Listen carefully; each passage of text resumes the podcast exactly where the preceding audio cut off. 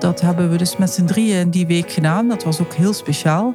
Ja, kan me Ja, want hij was helemaal vreemd voor mij. Dus ik haalde hem op en dat was in 24 uur het tweede contact dat we hadden. Elkaar hadden elkaar van tevoren nooit gezien. Dus je stapt in zo'n leven en je gaat meteen mee.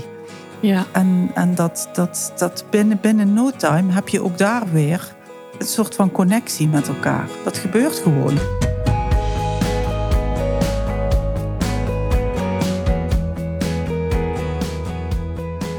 Partner overlijdt. Hoe ga jij nu verder? Via contact met lotgenoten en in samenwerking met onze partners bieden we een luisterend oor en pakken wij problemen van nabestaanden aan. Wij leveren support voor jou na het verlies van je partner, ongeacht de vorm van je relatie of je seksuele voorkeur. In onze podcast Widow Talk praten we over ons verlies en interviewen we andere weduwen, weduwnaars en bedrijven die nabestaanden helpen hun leven weer op orde te krijgen. Welkom, fijn dat je luistert.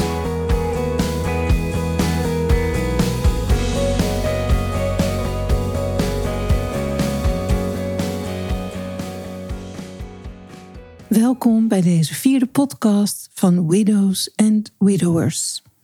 Een platform voor lotgenoten waarbij we ook kijken hoe we met externe partners jouw problemen kunnen oplossen. In deze aflevering praat ik met Marion Hermans van Nabestaande Zorg en Advies Amsterdam. Het is haar eigen bedrijf en ze helpt heel veel mensen die met verlies te maken hebben en ook om zich op het verlies voor te bereiden. Zeg ik het zo goed, Marion? Of kan je zelf beter uitleggen wat je daar eigenlijk doet? Nou, goedemiddag Marianne. Eh, heel veel dank voor je uitnodiging. Erg leuk om hierbij aan te sluiten en om iets te mogen vertellen over hoe wij vanuit onze invalshoek mensen proberen te helpen in tijden van verlies. En daarna, maar ook ter voorbereiding op een verlies wat mogelijk gaat komen. Dus enerzijds zitten wij in de adviesrol en anderzijds zitten wij in de uitvoerende rol waarbij we mensen op weg helpen na een verlies. Dus eigenlijk heel breed. En wat doe je dan precies? Want dat klinkt inderdaad heel breed. In de voorfase, in de adviserende fase, kijken wij met mensen wat zijn je wensen ten aanzien van het levenseinde, bijvoorbeeld na overlijden.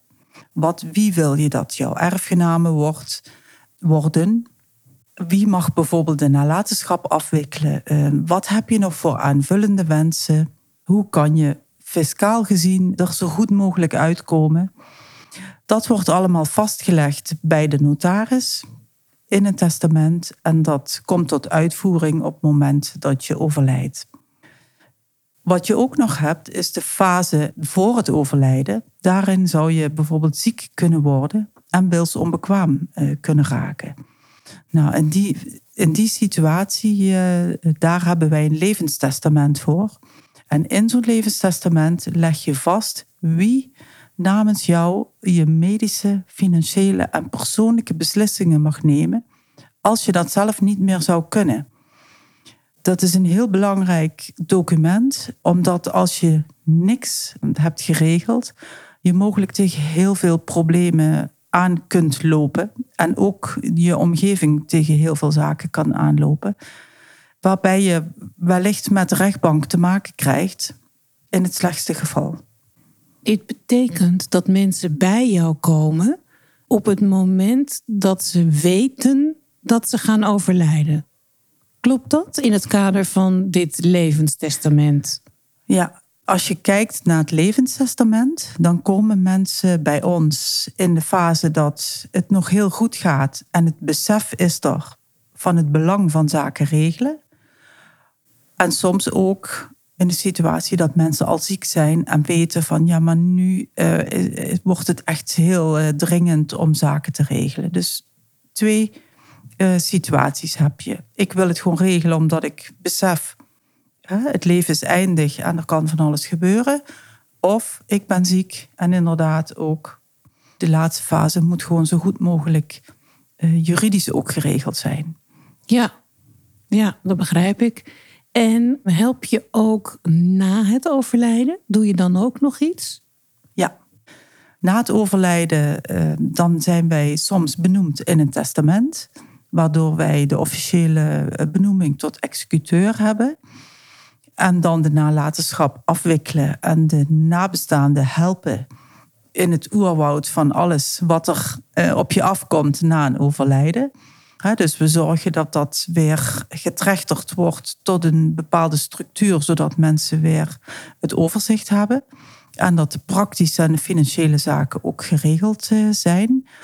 Waar we ook heel vaak mee te maken krijgen, is dat mensen ons benaderen terwijl we niet benoemd zijn in een testament. Maar omdat ze tegen zoveel zaken aanlopen, dat ze er zelf niet meer uitkomen. Dan zoeken ze actief naar een executeur. Ja, op het moment dat je gaat ondersteunen uh, op basis van de vraag na overlijden, dus je bent niet benoemd in een testament, dan krijg je een boedelvolmacht, noemen ze dat. Dat is eigenlijk dezelfde, krijg je dezelfde bevoegdheid als een executeur, alleen wordt dat dan pas na overlijden uh, geregeld. Oké, boeiend. En jij bouwt een bepaalde reputatie op, waardoor mensen denken van oh, we moeten naar Marion Hermans van NBZA om haar als executeur aan te stellen. Of een notaris noemt misschien jouw naam. Of mhm. hoe, hoe, Ja, mensen komen vanuit heel verschillende hoeken bij ons. Uh, inderdaad, de notaris, want die wordt vaak gevraagd, ook als executeur. De meeste notarissen willen dat eigenlijk liever niet. Eh, want dat is niet hun hoofdtaak. Hè? Dat is een soort bijzaak voor een notaris. We krijgen steeds meer vragen vanuit de medische wereld. Vanuit een eh, grote zorgorganisatie, maar ook soms vanuit het ziekenhuis. Waar mensen gaan overlijden. En dan kan er wellicht nog, nog eh, iets geregeld worden. We krijgen steeds meer vragen ook van via via. Dus in, in, in, zaken waarin wij ondersteuning hebben geboden en dan gebeurt er weer iets anders. En denken mensen, oh nou, vorige keer zijn we goed geholpen, dus daar gaan we weer terug. Dus wij komen eigenlijk op via diverse wegen komen mensen bij ons. Ja, duidelijk. En maak jij dan ook ergens reclame voor jouw bedrijf? Ja, reclame, dat is een, dat is een groot woord. Ik ben aangesloten bij een grote zorgorganisatie in deze regio. Daar sta ik op de website. Je zou dat als een soort reclame kunnen zien. Ik ben bij een aantal belangenorganisaties aangesloten waar ik ook opleidingen heb gevolgd. Daar sta ik bijvoorbeeld op de website. Ja, dat zou je ook als reclame kunnen zien, maar eh, wij gaan niet actief uh, flyeren of andere dingen doen. Dat, uh, dat, nee, dat, dat is niet uh, de manier waarop wij werken. Nee, maar via die, die websites en die netwerken komt jouw naam bij de mensen terecht. Ja. Die jou uh, mm. nodig hebben. Hè? Want dat was een van mijn vragen. Hoe komen mensen bij jullie? Ja. Maar dat heb je net ja. duidelijk beantwoord. En kan je misschien nog iets specifieker zeggen wat jullie dan kunnen betekenen. Hè? Want dit net is misschien een beetje, nou niet afstandelijk, maar nog, nog, een, nog een beetje vaag of een beetje breed voor de mm. mensen. Kan je wat, wat voorbeelden geven uit je praktijk, als je dat wil en uh, kan? Ja, zeker, zeker. Uiteraard blijven we daarbij wel anoniem. Want privacy uh, moet altijd gewaarborgd zijn. Een mooi voorbeeld is dat ik een aantal jaren geleden werd gebeld door een mevrouw. Haar man was net overleden. Zij, zij was gewoon nog een, een, een jonge vrouw, volop in, in het maatschappelijk leven. En ze zei van, ja, mijn man is overleden en ik ben zo helemaal ondersteboven... dat ik besloten heb dat ik hulp wil voor alles wat ik niet per se zelf hoef te doen. En, uh, dat kan heel veel zijn. Heel, dat was ook heel veel, ja. ja. nou, en dat, dat, was, dat was een hele mooie start.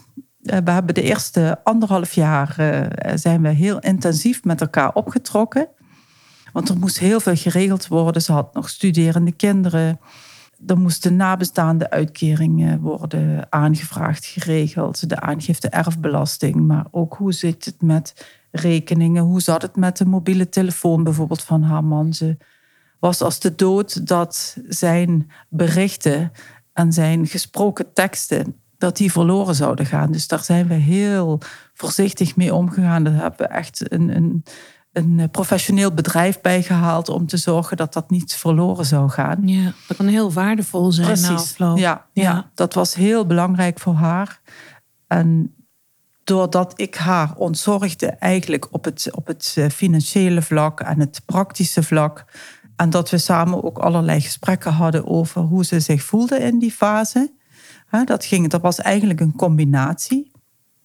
Uh, ging het gaandeweg, ging het wel beter met haar. En hebben we dat echt, dat hele stuk heel mooi afgerond. En toen bleek dat we eigenlijk een hele goede relatie met elkaar hadden opgebouwd. En zij ging emigreren naar Azië vanwege haar baan. En haar huis hier uh, in, in Nederland blijft behouden, omdat haar kinderen nog in Nederland studeren. En nu uh, zorg ik voor haar huis en haar administratie in Nederland. Dus ik beheer al haar Nederlandse zaken. En ik heb steeds met haar contact over ja, wat moet er allemaal gebeuren met het huis en met de administratie. En nou, dat is echt uh, een lange termijn uh, relatie die je opbouwt. En dat is ja. heel waardevol. Ja, dat had je natuurlijk nooit verwacht toen je eraan begon. Dat nee. zal ook niet met iedereen zo zijn natuurlijk. Maar je hebt hem echt, echt een band met haar opgebouwd. Ja, ja, ja. want dat wou ik net zeggen. Als je zegt, hè, ik wil dat je me bij alles helpt wat ik zelf niet kan. Of waar ik zelf geen zin in heb. Mm-hmm. En ik weet uit ervaring van mijn weduweschap... dat je Mm-hmm. in een heleboel dingen geen zin hebt. Terwijl Ja. je heel veel moet juist. Vooral ook dingen waar je misschien helemaal geen verstand van hebt. Ja. Dat je heel dicht bij iemand komt. En echt alles van iemand weet. Hè? Er is geen vuile was. Iedereen heeft vuile was. Mhm. Ook jullie luisteraars hebben we allemaal. Dat is niet erg. Maakt het leven ook spannend. Maar soms ook heel onaangenaam of eh gênant. Dus je moet je wel heel veilig voelen met iemand om dat zo te willen delen. Ja, ja, dat is absoluut zo. Je krijgt echt een vertrouwensrelatie. Ja, Waarin je dingen met elkaar deelt die je niet met anderen deelt. heel mooi. Ja, Maar je was dus ook bezig om zijn abonnementen eh, op te zeggen. En zijn, eh, zijn incasso-overschrijvingen voor goede doelen. Ja. Of abonnementen. ja, precies. Dus alle praktische zaken, alle financiële zaken en, de combinatie met hoe ging zij door dat proces. We zaten, soms zat, zat ik bij haar en dan hadden we een uur lang alleen maar gesprekken over emotie en over verlies. En dan vervolgens zei ze: Oké, nou kom op. Nou, nou gaan we nog wat doen. Zei ze dan, alsof ze niks gedaan had. Ja, zo voelde dat dan. Ja, ja. ja. ja. Ah, eh, mooi. ja. Ja. Mooi. Nou, dit is een hele specifieke eh, casus, om Ja. het maar even zo te noemen. Een specifiek Mhm. voorbeeld. Heb je nog een andere? Ja, ik heb nog een ander voorbeeld. En dat is een eh, meneer die is bij ons gekomen, eh, ook een jaar of vier geleden. Vanuit het AMC werd ik toen gebeld. Maar Hier gaat, ligt een mevrouw die gaat overlijden. En haar man die gaat alleen achterblijven. En wij zoeken iemand die deze meneer in ieder geval in het eh, proces na overlijden eh, wil ondersteunen. Kunnen jullie dat doen? Ja, natuurlijk kunnen wij dat. Dus ik ben naar het AMC gegaan. Ik heb met die meneer kennis gemaakt. En aangegeven van, nou, zodra eh, uw vrouw gaat overlijden, dan komen wij meteen en dan gaan we alles oppakken. Nou, dat duurde geen 24 uur meer. Toen overleed die mevrouw. Sneller dan verwacht eigenlijk. Ja, heel Ja, snel. ja. Ja. Nou, dus toen heb ik die meneer eh, opgehaald. Ik heb de uitvaartleider gebeld. En gezegd van, nou, eh, er is een mevrouw die moet... eh, de uitvaart moet geregeld worden. Deze meneer kan het allemaal niet zelf. Dus toen heb ik samen met de uitvaartleider de eerste week... hebben we deze meneer echt letterlijk onder de arm genomen... En zijn we eh, de uitvaartvorm gaan geven. Heb ik zijn levensverhaal met hem geschreven en geoefend. Dat hij dat op de uitvaart zelf kon vertellen. We zijn het graf uit gaan zoeken, de bloemen bestellen, alles ja, wat je maar voor een uitvaart nodig hebt. Dat hebben we dus met z'n drieën in die week gedaan. Dat was ook heel speciaal. Ja, kan me Ja, want hij was helemaal vreemd voor mij. Dus ik haalde hem op en dat was in 24 uur het tweede contact dat we hadden. Elkaar hadden elkaar van tevoren nooit gezien. Dus je stapt in zo'n leven en je gaat meteen mee. Ja, En, en dat, dat, dat binnen, binnen no time heb je ook daar weer een soort van connectie met elkaar. Dat gebeurt gewoon. heel bijzonder. Ja, en dat was heel mooi. Ehm, en toen bleek, na de uitvaart, nou ja, dan ga je kijken van wat moet er allemaal gebeuren. En toen bleek dat deze meneer toch wel heel erg kwetsbaar was. En dat hij het eigenlijk niet alleen kon. En dat, dat, dat er ook geen, geen zicht meer was op het, dat hij wel nog zelfstandig in het leven zou kunnen staan. Dus hij was toch wel heel afhankelijk. Nou, toen zijn we naar de notaris gegaan. Hebben een levenstestament opgemaakt waarbij wij de gevolmachtigde zijn geworden. En tot de dag van vandaag beheer ik al zijn financiële en zijn medische zaken. Hij is een tijdje is hij opgenomen geweest in de psychiatrie. Eh, hij is weer ontslagen. Toen moesten er allemaal dingen voor thuis geregeld worden. Moet die dagbesteding? Hoe zit het met vervoer? We hebben na drie jaar lang met hem gesproken over verhuizen, want hij zat in een vreselijk huis. Nou, uiteindelijk is dat vorig jaar gelukt om hem toch naar een andere plek te krijgen. En eh, nou ja, dan, dan ben je zo blij dat, dat dat allemaal gaat lukken. En dan zie je gewoon dat hij in een hele andere omgeving zit. En heb je toch een soort structuur voor hem uitgezet. Waarbij hij zijn daginvulling heeft. En, en waar eigenlijk allerlei zaken voor hem geregeld worden. Bijvoorbeeld één keer per week hebben we geregeld, komt er een mevrouw. Die kookt met hem en die eet dan samen. Eh, op een ander moment komt er iemand die gaat met hem een wandeling doen. Ehm, nou ja, dat soort dingen. Dus ook op het sociale vlak ga je dan proberen iemand weer echt op de rails te krijgen. Eh, en dat is redelijk goed gelukt. Dus het gaat nu echt weer een heel stuk beter met hem. En wij ja, lopen met hem mee in zijn leven. Totdat hij gaat overlijden. En dan gaan we weer zijn nalatenschap Ja, afwikkelen. Zo Ja. Gaat het, krijg je een soort kettingreactie. Maar dit is ook weer een voorbeeld van iemand met wie je eigenlijk een lange termijn relatie hebt opgebouwd. Dat was niet de bedoeling. Ja, Maar na, na de dood van zijn vrouw bleek dat hij onvoldoende in staat was om zelfstandig dingen op te pakken. ja absoluut. absoluut Ja. ja. En dat is heel mooi.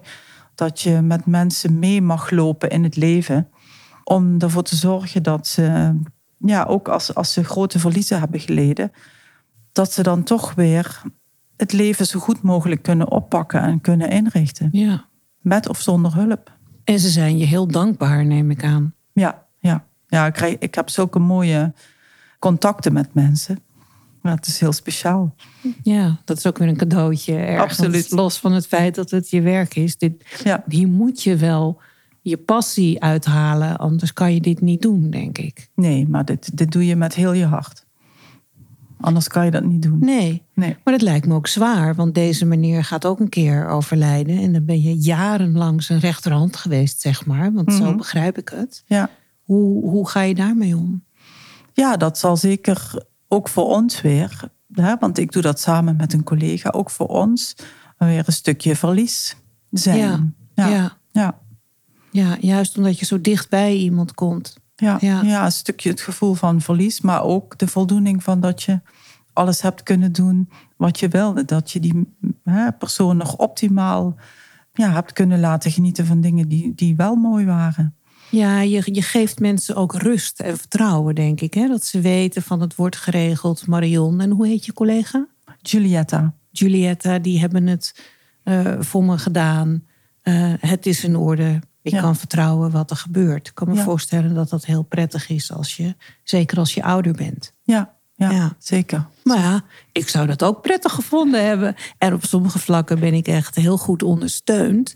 Maar ik werd even getriggerd door wat jij zei over de, de telefoonberichten en de gesproken berichten.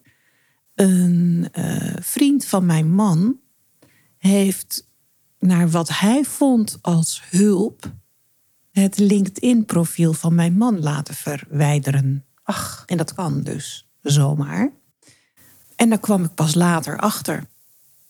ach, Hij had mij een mailtje doorgestuurd en ik dacht meer dat dat een bericht was van LinkedIn dat Philip was overleden. En toen dacht ik, waarom heb ik dat niet gekregen? Ik, ben, ik zit toch ook met hem op LinkedIn? Dat was nog niet zo lang na zijn overlijden. Dan gaat alles nog een beetje langs je heen, vaak. ja. Bij mij in ieder geval. En toen ging ik hem opzoeken en ik kon hem niet meer vinden op LinkedIn. Dus ik deze vriend een, een mail gestuurd van jij had toch zo'n bericht gekregen, maar ik zie Philip zijn profiel helemaal niet meer. En zijn berichten en alles is weg. Had hij dus aangevraagd om mij te helpen. Ja, omdat het voor hem moeilijk was om dan iedere keer weer zo'n berichtje te krijgen van eh, kijk eens op het profiel van Philip of wat dan ook. Hè. Er komen Mhm. soms van Ja. die reminders boven. En voor mij was dat een enorm verlies. A, omdat ik zijn LinkedIn-relaties nog moest laten weten dat hij overleden was. Want het loopt niet één op één synchroon met de mensen die in je adresboek staan. En B, omdat ik ook nog wel even had willen kijken... met wie heeft hij dan contact en waarover... en waar was hij allemaal mee bezig. Omdat je toch nooit helemaal weet van je partner waar hij mee bezig is. Hè. Je weet alleen maar van elkaar wat je deelt. ja. Dus het was voor, ja, het zit me nog steeds dwars. Dus we gaan het er verder ook niet meer over hebben. nee. Maar ik snap heel goed dat die mevrouw dat dus had met die eh, telefoonberichten. Dat Ja. is dit soort dingen kunnen heel erg belangrijk zijn. Ja, absoluut. absoluut. De, de digitale informatie, de, daar gaan we altijd heel zorgvuldig mee om na overlijden. Dus ook computers, iPads, telefoons. Dat wordt allemaal, eh, dat, daar zijn specialisten voor in Nederland. Die eh, die apparatuur kunnen leegmaken, maar die dat ook bijvoorbeeld kunnen uitlezen op het moment dat je er niet meer in kunt. Oké. En wij maken daar heel veel gebruik van. Want ja, stel dat iemand plotseling overlijdt en, en je komt niet meer in de telefoon. En wat in, in situaties van suïcide Ja. eh, kan dat vaak heel belangrijk zijn. Ja. Omdat je dan zoekt naar antwoorden van waarom heeft iemand die keuze gemaakt. En soms vind je die antwoorden deels wel in die digitale omgeving. Dus dat is iets waar wij altijd heel veel aandacht aan besteden. Ja, ik wist niet dat dat kon. Want wij konden na afloop ook niet in de apparatuur van mijn man, de spulletjes. Eh, hij wist wel mijn passwords allemaal, maar ik niet de zijne. En mijn jongens hebben uiteindelijk, eh, mijn, mijn tweelingjongens, die hebben uiteindelijk ergens een documentje gevonden, ver weggestopt. En toen, toen is het toch gelukt. Maar ik hoorde altijd verhalen dat. eh, als je er niet meer in kan, is het einde oefening. Maar dat is dus niet zo. Maar er moet er een hele goede reden zijn dat die mensen voor jou dat uit gaan lezen. Ja, je mag, hè, dat, dat er zijn specialisten in Nederland die, die, eh, die dat dus doen. En ik doe dat op het moment dat er vanuit de nabestaanden vragen zijn. Van ja, we willen weten wat erin staat. Maar wat we bijvoorbeeld ook doen, is als mensen overleden zijn en ze hebben nog hele goede digitale apparatuur die wellicht verkocht kan worden, ja, dan moet het wel zeker leeg zijn voordat, Exact. iemand, Ja. eh, voordat het naar iemand anders gaat. Dus Ja. het is ook in het kader van de privacy heel belangrijk dat apparatuur leeg naar de volgende eigenaar gaat. Ja, ja, ja. Dus dan moet het ook gebeuren en dan moet je er wel in kunnen. Ja, Ja, precies. heel duidelijk. Heb je nog een voorbeeld? Ja, ik heb nog een voorbeeld. En dat vind ik zelf ook wel een hele mooie casus. Het is een jonge vrouw. Zij eh, eh, was hoogzwanger toen ze van haar moeder hoorde dat, dat haar moeder ongeneeslijk ziek was. Ach, En eh, nou ja, ze hadden al een deel van die zwangerschap samen beleefd. Hè, zouden naar, naar eh, de geboorte toeleven. Nou, dat, dat was een enorme schok. Eh, moeder woonde ver weg. En toen kwam het punt, ja, ik ben hoogzwanger. En mijn moeder woont ver weg. Hoe, en ik moet binnen een paar weken gaan bevallen. Hoe gaan we dat nou doen? Nou, toen is besloten dat moeder hier in deze omgeving in een hospice opgenomen zou worden. Zodat ze de laatste weken van haar moeder, eh, haar moeder in de buurt had. Het kindje is geboren. En toen is enkele weken later is moeder overleden. Nou, dat was voor haar een enorme schok. Hè? Want als je net moeder bent geworden, je hormonen die, eh, die staan helemaal op de kop. En dan krijg je ook nog met zo'n verlies te maken. Toen ben ik vanuit het hospice gevraagd om deze jonge vrouw bij te staan. Oké, daar ben jij erin gestapt. Ja, dus dat ik- die moeder hier naartoe kwam, dat was al geregeld. Ja, dat was al geregeld. Ja. En toen kwam vanuit het hospice waar die mevrouw was de vraag van deze jonge vrouw met haar pasgeboren babytje gaat haar moeder nu verliezen. Kun jij hier eh, deze mevrouw gaan ondersteunen? Want ja, dat verlies is zo groot en de emoties lopen Ja. zo hoog op dat ze dat niet alleen eh, kan gaan doen. Dus toen ben ik ook daar ingestapt en eh, heb ik ook weer samen met die mevrouw, dat traject dat loopt nog, dat is nog niet helemaal afgerond. Maar dat is ook weer een heel mooi eh, contact, want ja, voor haar alle emoties die met haar, de geboorte van haar kind te maken hebben en tegelijkertijd het verlies van haar moeder.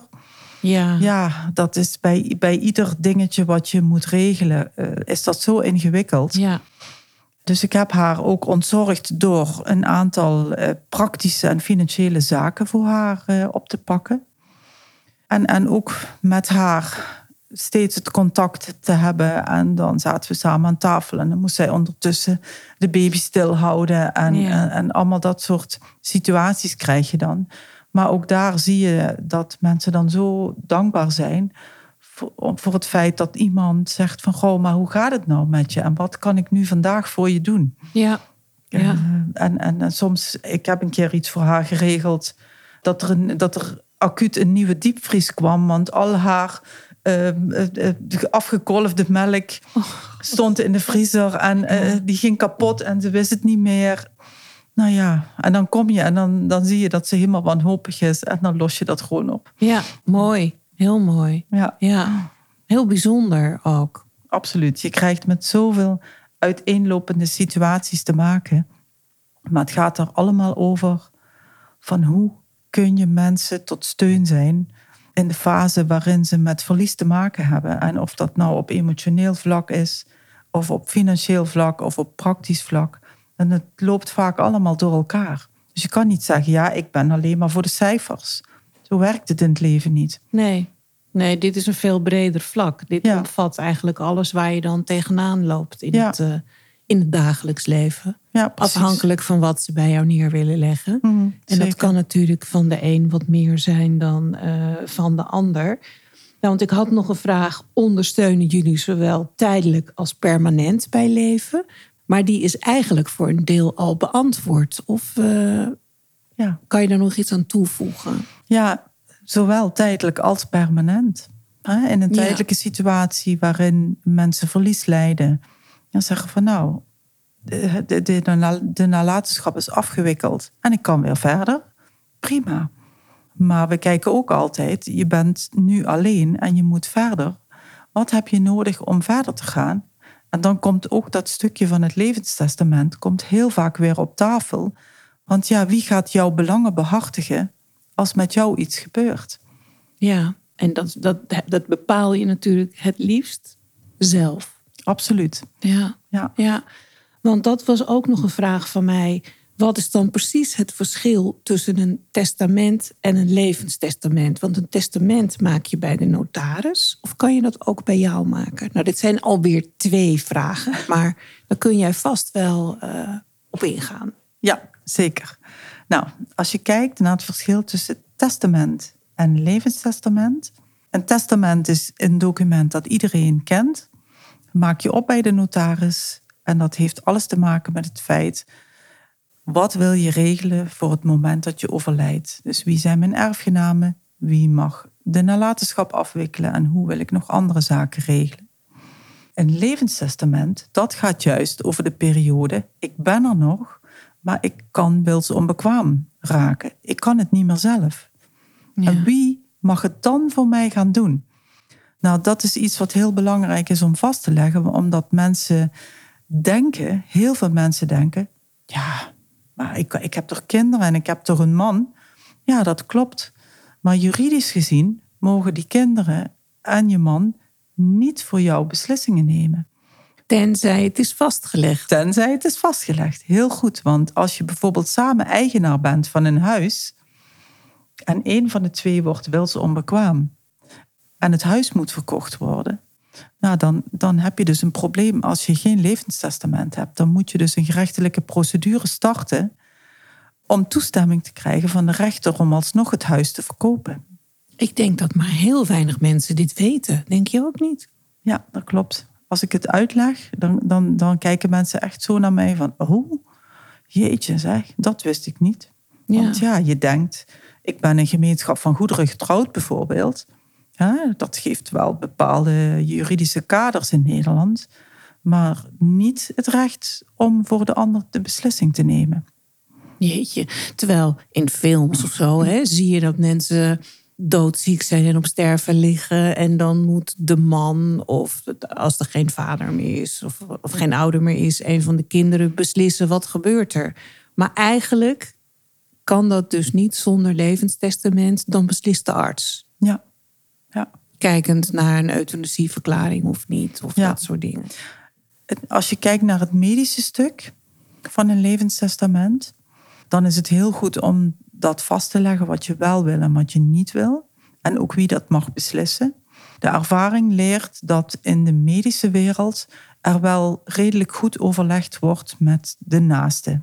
Dus ook als je dat niet notarieel vastgelegd hebt, dan is daar toch nog wel het een en ander in te overleggen. Maar als we kijken naar de, naar de financiële kant, daar is het heel zwart-wit. Als je bij de bank komt en je zegt: Ik wil eh, toegang tot de bankrekening van iemand. Heeft u een notariële akte? Ja, dan gaat de deur open. Hebt u die notariële akte niet, blijft de deur dicht. Heel zwart-wit. Dus daar zitten ook wel nog wel wat verschillen in. Aan de medische kant en de financiële Ja. kant. Ja. Ja. Nou, het lijkt me dat we allemaal eh, naar jou of een van je collega's moeten rennen om dat levenstestament te gaan regelen. Ik had er eigenlijk nog nooit van gehoord, moet ik je eerlijk eh, zeggen. Tot ik, na het overlijden van mijn man, samen met Astrid met Widows and Widowers begon en ik jou tegenkwam. ja. Nou, weet ik natuurlijk niet alles. Maar ik ben ook niet, ik woon ook niet helemaal ergens onder een, kom ook niet onder een steen vandaan, zeg maar. Dus eh, interessant. Even kijken, heb ik nog andere vragen? Ik had er nog één. Hoe bied je ondersteuning in nalatenschappen als je niet bent benoemd in een testament? Dat is eigenlijk al aan de orde gekomen. Hè? Dan komen mensen er niet uit. Of de notaris zegt misschien is het handig. Of ze zeggen zelf van Ja. ik heb hulp nodig. Wie kan je me aanbevelen? Precies. Ja. En dan kom je als executeur in, eh, Ja, en dan, in beeld. Precies, en dan als je dan nog de juridische bevoegdheden nodig hebt, afhankelijk van de fase waarin de nalatenschap is, kun je een boedelvolmacht bij de notaris Ja, laten opmaken. Ja, Ja. dat zei je net inderdaad. Heel interessant. Het is heel veel, maar ik denk dat we dat allemaal wel kunnen bevatten. Zoals jij het vertelt, is het geen hogere wiskunde. Dus Nee. dat, eh, dat, dat, dat kunnen we denk ik wel begrijpen. Ik denk dat jij iets heel moois doet. Hoe ben je hiertoe gekomen? Dat is een goede vraag. Dat heeft te maken met het feit dat ik uit een gezin kom waar eigenlijk eh, ieder- bijna iedereen in de zorg werkzaam is en was. Dus wij zijn heel erg opgegroeid in de zorgwereld. Ik heb, zoals je weet, kom ik uit Zuid-Limburg. Heb ik Ik hoor ergens een soort van tongval. Precies. Ja. Heb ik in mijn werkzame leven in Limburg 30 jaar in de revalidatiezorg gewerkt. En heb daar gezien hoe mensen van het een op het andere moment hun autonomie kunnen verliezen.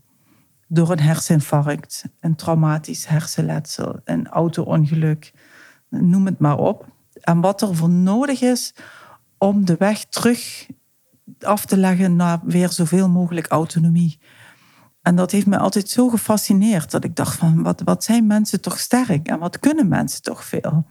En op een gegeven moment ben ik naar Amsterdam verhuisd, 8,5 jaar geleden. En toen dacht ik, ik wil wel in de zorg blijven werken, maar niet meer in een zorginstelling. Ik wil echt iets voor mezelf gaan doen. En dan wel iets waarbij ik het verschil voor mensen kan maken. En zo ben ik eigenlijk stap voor stap ja, opleidingen gaan doen. Uh, en kreeg ik gewoon het gevoel van, nou, dit is de weg die ik moet gaan. En tot op de dag van vandaag weet ik dat ik gewoon de juiste keuze heb gemaakt. Heel mooi. Nou, ik kan me voorstellen dat dit werk heel bevredigend is. Ook heel verdrietig en frustrerend af en toe. Dat je denkt van, wat is de wereld toch oneerlijk eigenlijk. Maar je weet ook dat je heel veel betekent voor mensen en zo'n stukje zielenrust uh, geeft. Kom je wel eens kinderen van mensen tegen die het eigenlijk niet zo prettig vinden dat een vreemde zich met hun ouders bemoeit? Ja, soms. Dat is niet altijd fijn. Maar dat, heeft, nee, dat is niet fijn voor de ouders, voor de kinderen en voor mij. Want op het moment dat ouders die keuze maken, dat betekent dat er wel in het gezin iets aan de hand is. Dus dan, dan krijg je een situatie waar eigenlijk niemand blij van wordt. Ja. Ik probeer ook altijd als mensen op zoek zijn naar een gevolmachtigde, dus probeer ik altijd eerst te onderzoeken wat is er mogelijk om dat binnen de eigen gezinssituatie te regelen. En soms ben ik bijvoorbeeld ook uh, samen gevolmachtigd met een kind. Een kind wat bijvoorbeeld in het buitenland woont. Dus niet heel snel bij de ouders kan zijn. Dat is wel een hele fijne oplossing. Ja. Maar waar de kinderen buitenspel gezet worden, dat komt niet zo heel veel voor. Maar als het wel voorkomt, is het een, een nare situatie. Ja, dat is pijnlijk. Ja. ja.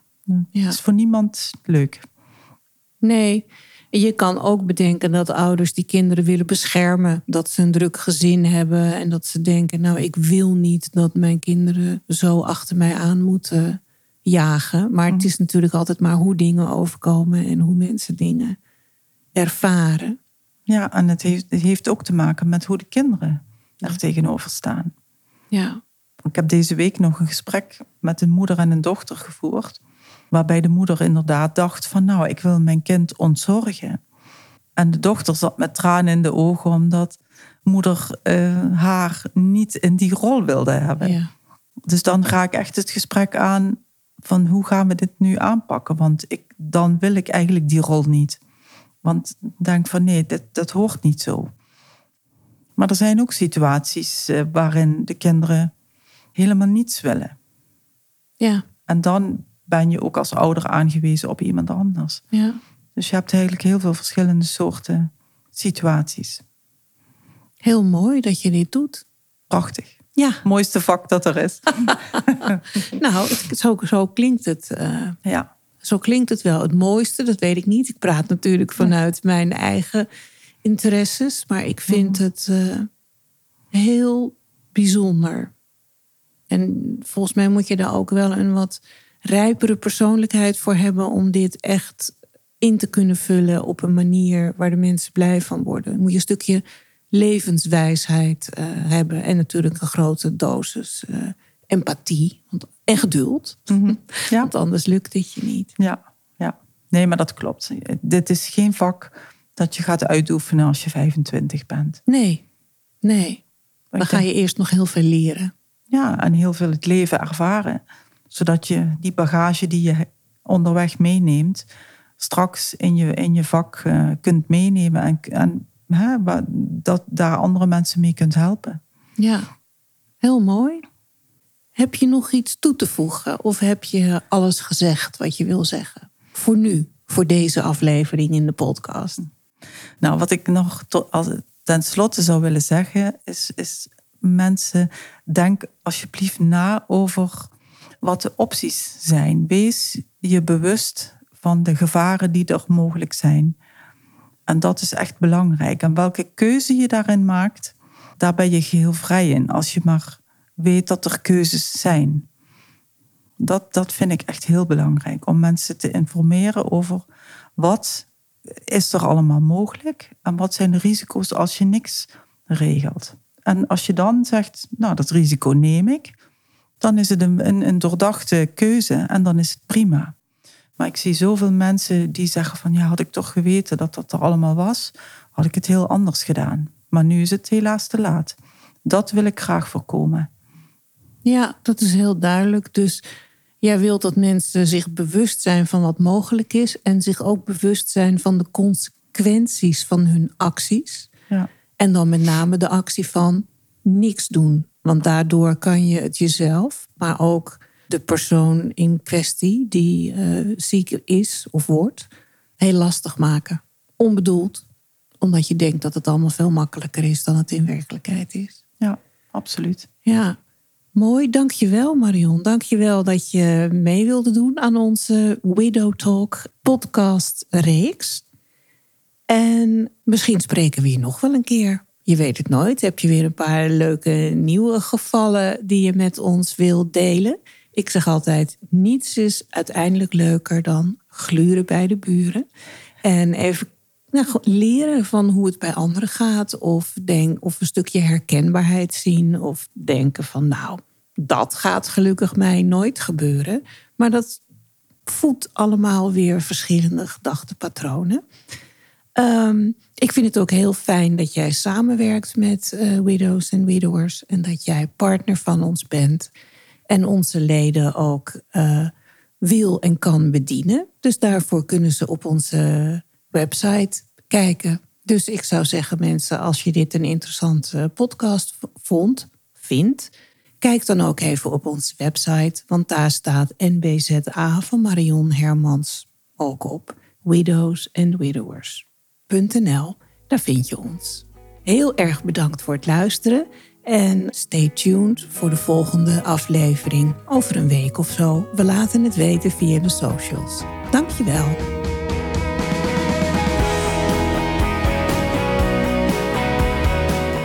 Dank voor het luisteren naar deze aflevering van Widow Talk.